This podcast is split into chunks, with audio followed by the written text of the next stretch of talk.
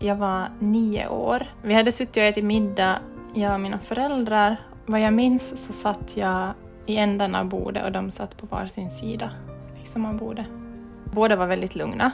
Eh, det var inte som någon panik eller det var inte några tårar eller liksom, det var inte något bråk. Det var inte några sådana känslor i rummet alls. Och så berättade de att eh, de ska flytta isär och att, att de är liksom inte kära i varandra något mer. Jag, liksom, jag greppade inte vad, vad de berättade. Det var jag hade hört om skilsmässa och förut så var det så dramatiskt, liksom att det var kanske bråk och det var skrik och det var någon som sprang ut och smällde i dörren. Så när jag satt där och på något sätt fick det här beskedet så, så kunde jag, liksom, jag kunde inte riktigt ta in det. Att jag förstod inte att vad, vad menar hon? Att varför ska de inte bo tillsammans? Varför är de inte kära i varandra? Min mamma hade haft ett missfall en tid före det här beskedet. Jag greppar liksom inte att ska ni inte försöka vet du, få ett syskon åt mig? Att var, varför är vi här nu? Varför ska ni flytta isär? Att är det på grund av det här missfallet eller vad är det liksom? Att, hur kan ni som inte vara kära i varandra när ni är mina föräldrar? Jag satt där och funderade att ska jag gråta? Ska jag som bara låtsas som ingenting? Eller ska jag som vara som sådär att nej men det här fixar sig? Att jag läste in mina föräldrars, liksom, vad de skulle behöva för reaktioner av mig för att det skulle kännas så bra som möjligt för dem. För jag förstod ju ändå att det här var, jag förstod att det här var någonting svårt för dem. Jag tog det väldigt bra där i stunden, vad jag minns, och reagerade kanske inte så jättemycket. Eh, utan tog mina liksom, känslor för mig själv.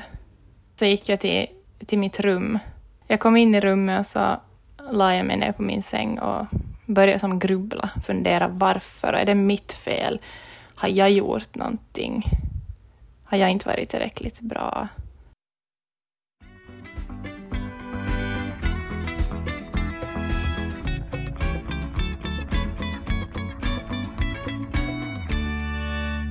Idag har vi med oss Pia Graniti-aho. Japp. Du är från Barnavårdsföreningen vars mission är att, om jag har uppfattat det rätt, att alla barn ska få en bra barndom och att ni hjälper föräldrar till stärkt föräldraskap och jobbar för ett barnvänligt samhälle. Det stämmer.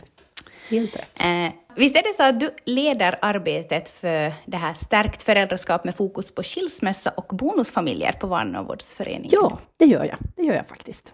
Så därför har vi ju bjudit in dig idag, för idag så ska vi ju prata om barnen i skilsmässor. Det stämmer och det här, eh, jag blev jätteglad när eh, ni frågade.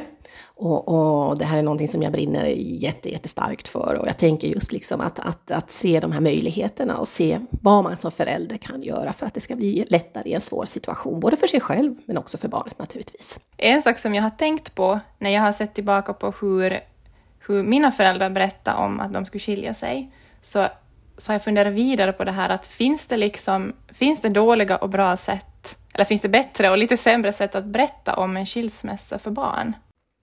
Absolut. Här kan jag säga att det finns bra sätt och det finns jättedåliga sätt. Uh, och, och, mycket handlar ju om så att säga, den egna upplevelsen, nu tänker jag på föräldrarna då, den egna mm. upplevelsen, den egna känslan och hur man kan hantera sig själv i den här stunden. Och det som jag tänker på uh, Eh, eh, hur man kan göra det bra för barnen, det är ju att faktiskt fundera på beskedet. Att hur och när ska vi berätta för barnet om skilsmässan, när det är ett faktum? Och, och eh, jag tänker ju samtidigt att liksom bara den här tanken att berätta för barnet om en separation så känns ju jobbig för de flesta föräldrarna. Det är ju det sista man vill berätta. Det är, det sista, det är, liksom det, det är inte i den situationen man som förälder vill vara och utsätta sina barn för.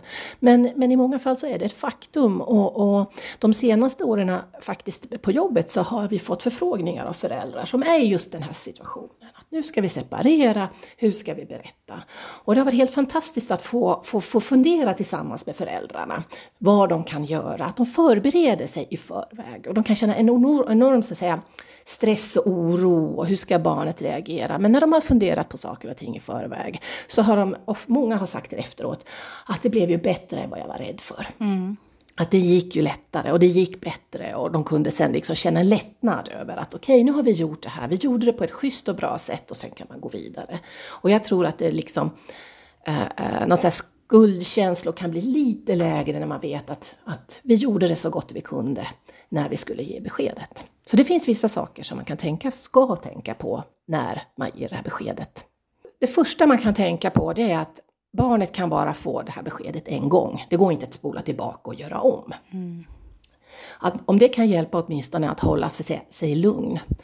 För det som är viktigt, det som, som jag, plockade upp när du berättade Rebecka, så det var att de berättade tillsammans och att de var lugna. Eh, det, vi brukar uppmuntra föräldrarna att kunna berätta tillsammans och hålla sig lugn och att ha ett gemensamt budskap. Och då är det också så otroligt viktigt att inte, liksom, att inte någon av föräldrarna blir en syndabock.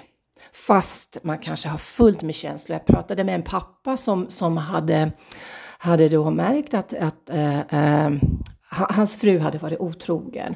Och han beskrev då att, att han, eh, han ville bara ropa rakt ut liksom, från hjärtat att vad det egentligen handlar om till barnen. Men han insåg att han måste vara tyst, han måste så att säga hålla det inne, för det hjälper inte barnen på något sätt. De har fortfarande sina föräldrar. De, har fortfarande, de är lika viktiga för barnen oberoende fast man själv är väldigt sårad och kanske jätteledsen. Och sen så tänkte jag på det som du sa eh, eh, eh, Rebecka, att, att du hade inte märkt någonting. Eller du liksom funderade varför. Och det som är otroligt viktigt för barn det är att få en orsak. Ibland så många, många barn märker liksom ungefär att jag har ni inte kommit tidigare? Liksom, att vi har ju märkt att det, det, det, det, det liksom, en del kan till och med bli lättare. Min erfarenhet via jobbet har varit kanske att, att de barn som inte har föräldrar som bråkar, som inte har föräldrar som det liksom blir drama och, och skrik och bråk i familjen, utan det har varit lugnt, så de kan ha svårare att förstå. Så att jag kommer ihåg en familj med en flicka som, som, som hade så svårt att förstå och acceptera föräldrarnas skilsmässa, för hon kunde inte begripa de här orsakerna som hon fick. Och då fick vi jobba lite grann med föräldrarna. Att det är många barn som inte får det där svaret hittar då på det här mm. ett eget svar. Och det är otroligt vanligt att oberoende vad föräldrarna försöker säga så att barnet tar på sig skulden. Man tänker att det är mitt fel. Och, äh, man har inte varit tillräckligt bra, inte tillräckligt snäll och inte tillräckligt duktig i olika sammanhang.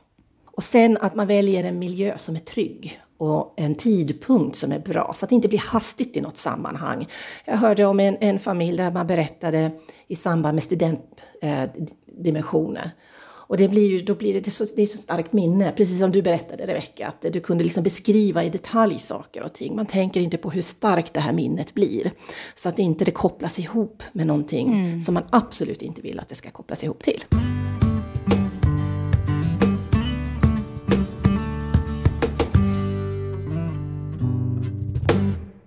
Vad är viktigt då att tänka på sen när skilsmässan är ett faktum och barnen, eh, att man har berättat åt barnen vad som ska komma, liksom vad som ska hända? Ja, det är ju att kunna stödja barnet i den här processen. Jag tänker då när man ger det här beskedet också så är det viktigt att vara där och finnas där för barnet med frågor. Och just att tidpunkten är sån att man måste, man berättar inte och springer snabbt iväg någonstans på jobb eller någon, någon hobby eller någonting annat utan att man är där tillsammans med barnet. Och en del kan reagera på väldigt olika sätt. Ehm, en del kanske liksom blir arga, utåtagerande, andra blir tysta, en del vill vara nära sina föräldrar, andra vill gå ifrån. Och jag tänker att den här processen, att vara där för sitt barn, den fortsätter sen efter beskedet också. Mm. Mm. att helt, liksom vara intresserad uh, av sitt barn och barnets känslor. Och att, att allt är tillåtet. Man får, precis som du sa Rebecka, att vad ska jag göra? Vad är okej okay här? Alla känslor är okej. Okay. En del blir ledsna, en del blir glada, en del blir arga och, och, och, och allt däremellan och allt är okej. Okay. Mm. Och jag, jag minns att, att det var jättesvårt att berätta det för vänner. Liksom, jag visste inte hur jag skulle säga det till mina kompisar. Och sen vet jag att min mamma ringde ganska snabbt till min lärare och det var som en räddning tror jag för mig, för att hon visste om det direkt. Och jag kommer bara ihåg att hon, blir lite rörd nästan, men jag kommer ihåg att hon bara som kramade om mig. Hon är som jättefin, min, min lärare jag hade i lågstadiet. Hon som bara kramade om mig och jag vet inte ens om hon sa så mycket, men jag visste att hon vet och jag liksom får vara typ mig själv. Mm. Ja, och det här är någonting också som vi faktiskt rekommenderar, att man ska berätta för omgivningen. Att berätta för dagis eller berätta för skola eller liksom andra nära. Man behöver ju inte gå in på alla detaljer och man behöver inte, absolut inte berätta för varenda en, utan man har rätt att dra sina gränser också. Men speciellt det där tycker jag visar sig också så hur viktigt det är att åtminstone den miljö där barnet är, att de vet. För då kan de också stödja barnet, de kan vara med där i den här processen att, att, eh, att gå vidare. För det är en, om, det, det är en omvälvande situation för alla. Det, det är en stor förändring för alla i familjen eh, och det kan man inte komma ifrån. Men, och det är ju det som gör att många drar sig så för att ta beslutet och sen tycker att det är jättejobbigt med beskedet. Men eh, men, men det går att gå vidare. Mm. Eh, det är jobbigt en stund för alla, det är, det är helt klart. Men eh, eh, det, så att säga, det sjunker en tid och sen går det upp igen till samma nivå. Om man bara tänker på att hantera situationen så bra som möjligt. Att man tar hand om sig själv som förälder och att man satsar på att försöka samarbeta och åtminstone inte prata illa om varandra.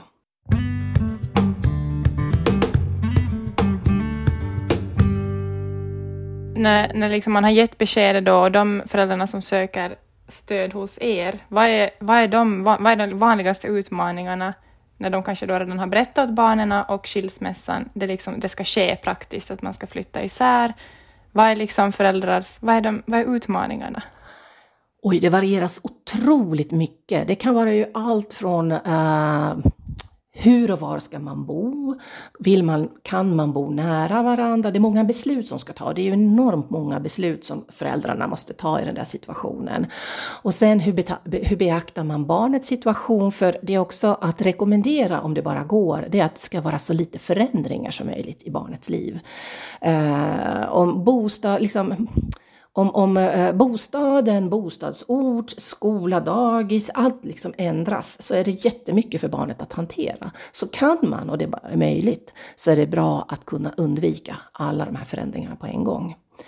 Så, så ibland så, så är det ju också då att, att men jag vill ju inte bo här, eller det, det, det här är liksom det här är inte min dröm och det här är inte det jag vill. Och då kan det bli liksom irritation kring bara det här praktiska. Mm. Just det där att, att det är på något sätt att man måste sätta sina egna känslor kanske åt sidan som förälder och se barnet där i mitten. Jag i min omgivning också som barn och som vuxen så har jag sett så många gånger att föräldrar inte alls har kunnat sätta sina känslor åt sidan. Eller just att det blir den här, barnen är den här budbäraren mellan föräldrarna och det blir stridigheter som barnen tas in i. Och, och bara en sån sak tänker jag som att när de ska till mammas, att inte ens pappa då kan följa dem till trappan och säga hej åt mamma. Redan en sån sak kan kännas ganska stort för ett barn. Ja, Ja, absolut. Den här kommunikationen och känslorna efteråt och det som också eh, som påverkar eh, föräldrarnas samarbete efter en, en, en skilsmässa, efter en separation, så eh, handlar ganska starkt också om hur relationen och hur kommunikationen har varit innan separationen och vad som har varit orsaken, till exempel otrohet eller så här plötsliga förändringar, så kan det göra det så svårt för att det finns liksom så mycket känslor som, som sätter lite käppar i hjulet. Och då eh, kan det vara bra att, vara, att kunna så att säga backa och ge plats. Så jag har också träffat en mamma som funderade på att okej, okay, hennes exman reagerade väldigt starkt och sen när hon var med i, vårt, i, i vår stödgrupp så efter en tid så insåg hon att nu förstår hon så att säga, exmannens reaktioner så hon blev inte lika provocerad av det utan kunde så att säga reagera mer lugnt så att hon inte sen så att säga spädde på lite till i den här relationen. Det var, eh, när det var jobbigt för, för föräldern att, att, att ta sig igenom, för det brukar lugna ner sig sen efter en tid om man bara fokuserar på att vad kan jag göra i den här situationen? Och kanske ha lite förståelse och lite backa när den andra reagerar och är, är besviken. Och det är inte lätt.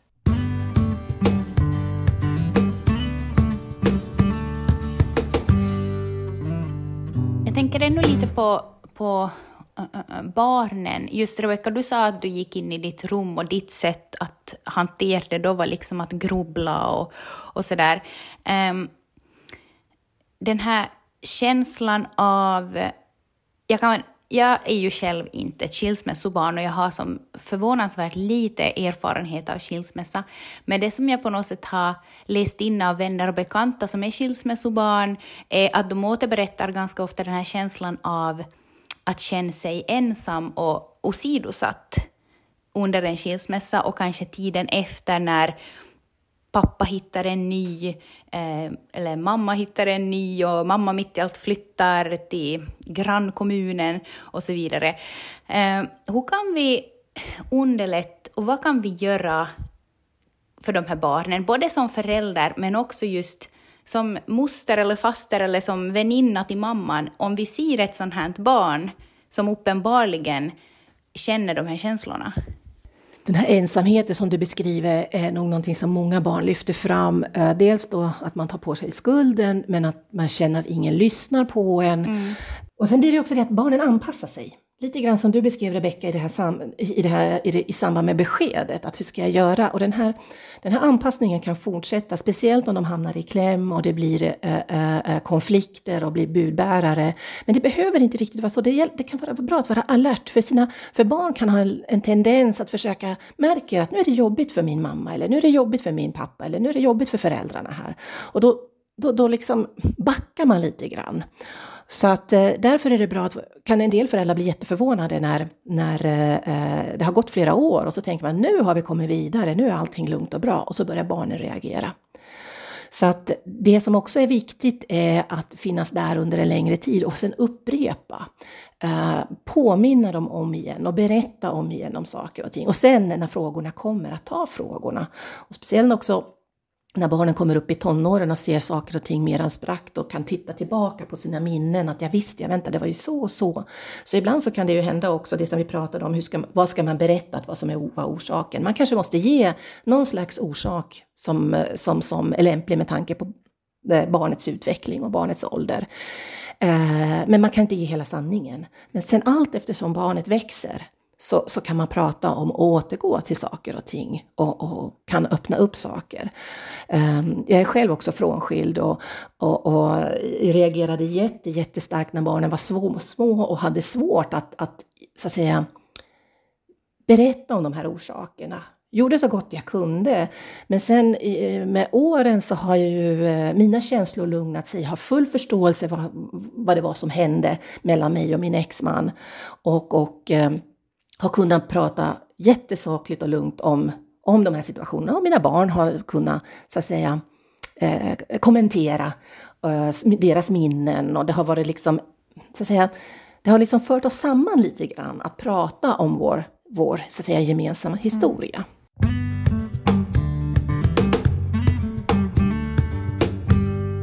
Vad skulle du säga att det är de största misstagen som föräldrar gör under skilsmässan?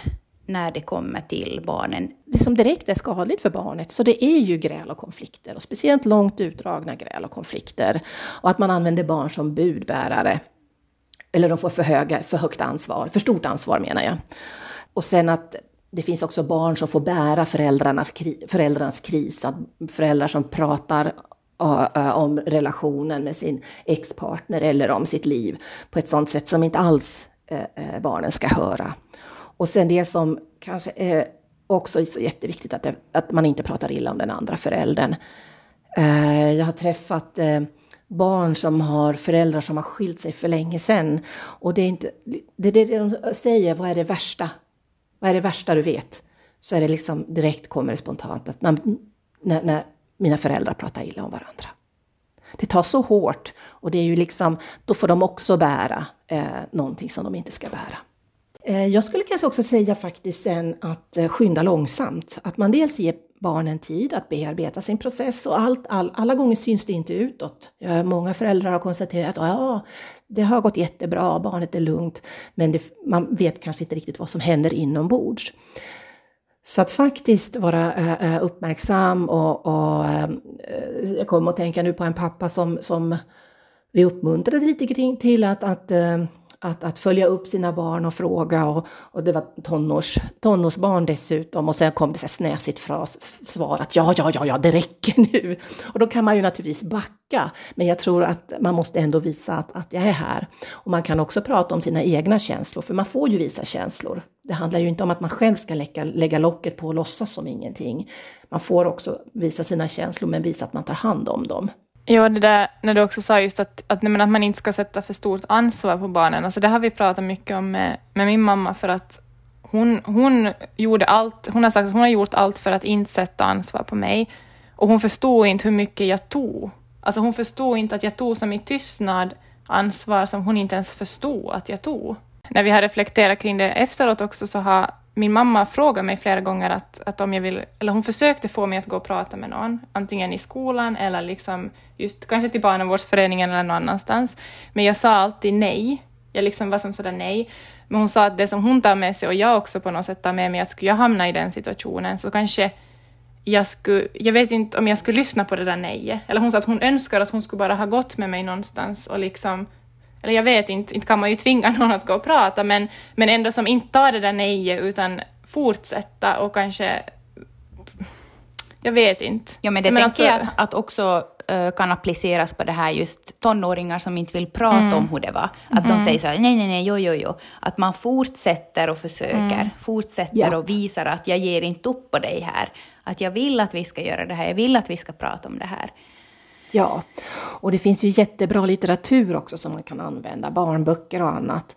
Och, och, det som vi också gör för att sänka den här tröskeln, så det är men kom och testa, kom och prova, mm. kom och titta hur det ser ut här. Och känns det som att man inte vill komma så behöver man inte komma. Och det är jättefå barn. I grupper så tror jag inte att det enda som har slutat av den orsaken, att man först har sagt nej, kommer och testar och sen slutar, utan när man väl sen har märkt att men det här är ju helt okej. Okay. Och också på samtal så försöker vi sänka tröskeln. Och det handlar ju inte heller om att tvinga någon att prata, utan vi använder lekar och vi använder övningar och vi, vi, vi så att säga, uh, uh, vi bekantar oss först med varandra och, och, och sakta men säkert mm. Uh, mm. går in på temat och anpassar enligt barnets så att säga mående för dagen eller intressen och, och så. Men att, jag tror att det är viktigt att prata, att det inte blir tyst. För blir det tyst så skapar barnen så mycket egna tankar kring saker och ting. Och jag har träffat en, en jag tror att han var 18, 18 år och var det så att föräldrarna hade skilt sig när han var kanske 10-12. Och de hade inte pratat om det. Och han pratade om skilsmässan som om jag skulle ha träffat en 10-12-åring. Att det hade liksom mm. på något sätt stannat till, eller jag vet inte riktigt hur jag ska beskriva det. Men, Eh, och, och, och, sen då i det sammanhanget vi var så pratade vi sen igenom och det, det, det som, som hans fråga var, var orsaken. Att varför? Han har aldrig förstått.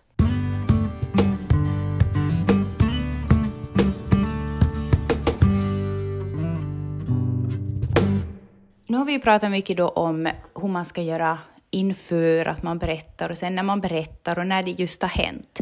Men om vi har någon lyssnare nu som har skilt sig för något år sedan och kanske omedvetet har det blivit i det här att barnen har på något sätt lagt lock på och man tycker att det har gått så bra, eh, barnen har tagit det här så bra, det har varit så lugnt och så vidare. Eh, om du skulle nu säga två saker som du tycker att de här föräldrarna ska fråga sina barn ikväll, kring det här med skilsmässan, och, fast det har hänt för några år sedan. Vad tänker du då att skulle vara bra öppningsfrågor åt barnen för att, de, för att det inte ska bli så här som för den här 18-åringen? Oj, vilken bra fråga! Och här kommer vi igen till att när allting är så unikt, men jag tänker att kanske dels att våga Ibland så kan man också gå via sig själv. Att tänka att nu har det gått fem år sedan, sen, sen, sen, sen vi har skilt oss. Att då kändes det så, så här och nu känns det så här. Att, att, att, hur, hur känns det för dig? Kanske den vägen, än att gå direkt på barnet. För då kan det lätt bli kanske att, att man inte vill säga. Så det kan vara en, en, en, en väg att gå. Och, och det här handlar ju också om att, hur gammalt är barnet? Är det liksom fem år, tio år, femton år?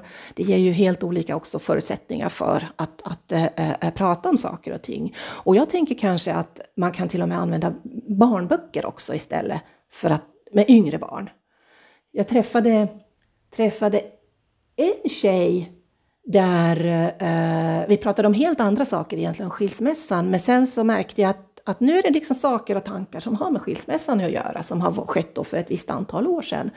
Och så tog jag en, en bok om skilsmässa. som vi, så att säga, en bilderbok.